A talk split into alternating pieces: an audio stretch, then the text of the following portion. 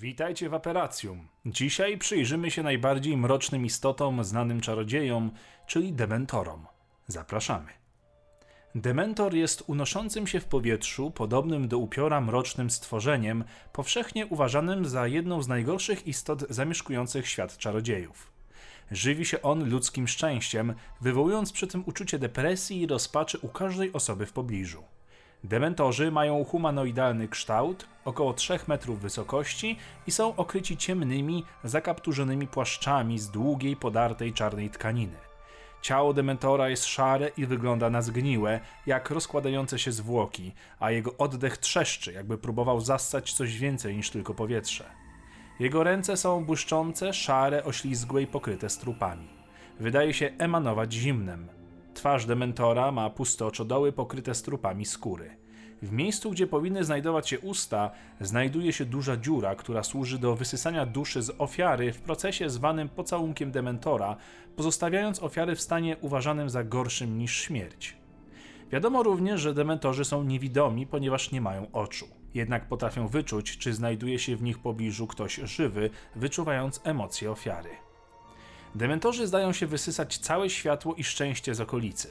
Gdy biorą oddech, powodują, że pojawia się ciemność, a ofiara czuje przytłaczający chłód.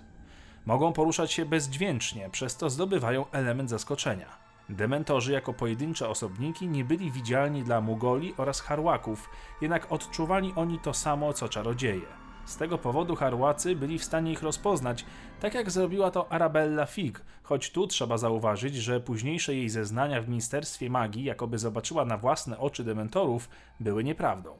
Dementorzy są wystarczająco inteligentni, aby być chciwymi i przekupnymi.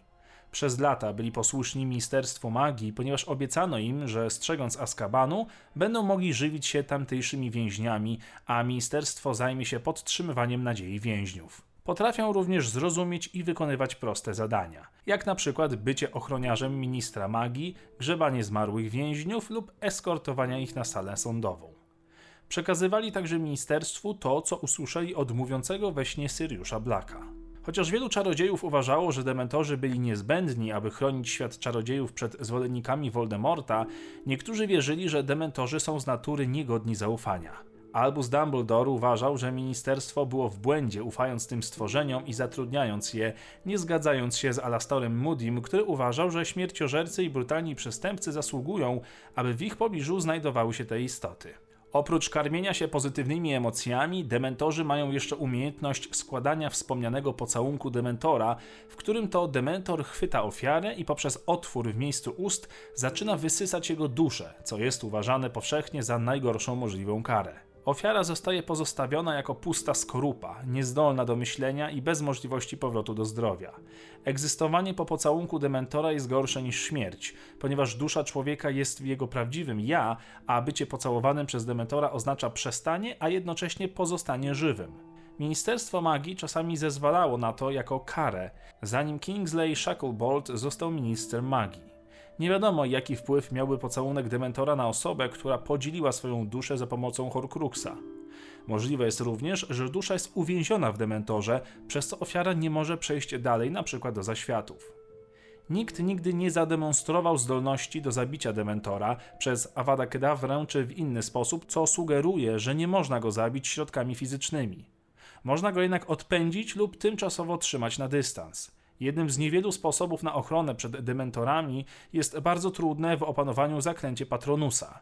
Zaklęcie przywołuje magiczną manifestację dobrej woli i szczęścia, zapewniając zróżnicowane poziomy ochrony przed wpływem dementorów, oparte na sile rzucającego czarodzieja. Z wystarczającymi zdolnościami jeden czarodziej może powstrzymać dziesiątki lub nawet setki dementorów jednym Patronusem, jak zademonstrował to Harry Potter podczas swojego trzeciego roku w Hogwarcie, kiedy to odpędził hordę dementorów chcących pochłonąć jego przyjaciół. Ponieważ dementorzy nie mogą wyczuć mniej złożonych myśli i emocji osoby, która przybrała formę animaga, umożliwiało to niektórym, takim jak Sirius Black, tymczasowo uniknąć odczuwania skutków obecności dementorów. Kiedy wyczuli mniej niż ludzkie myśli w jego animagicznej formie, dementorzy po prostu myśleli, że Sirius traci rozum.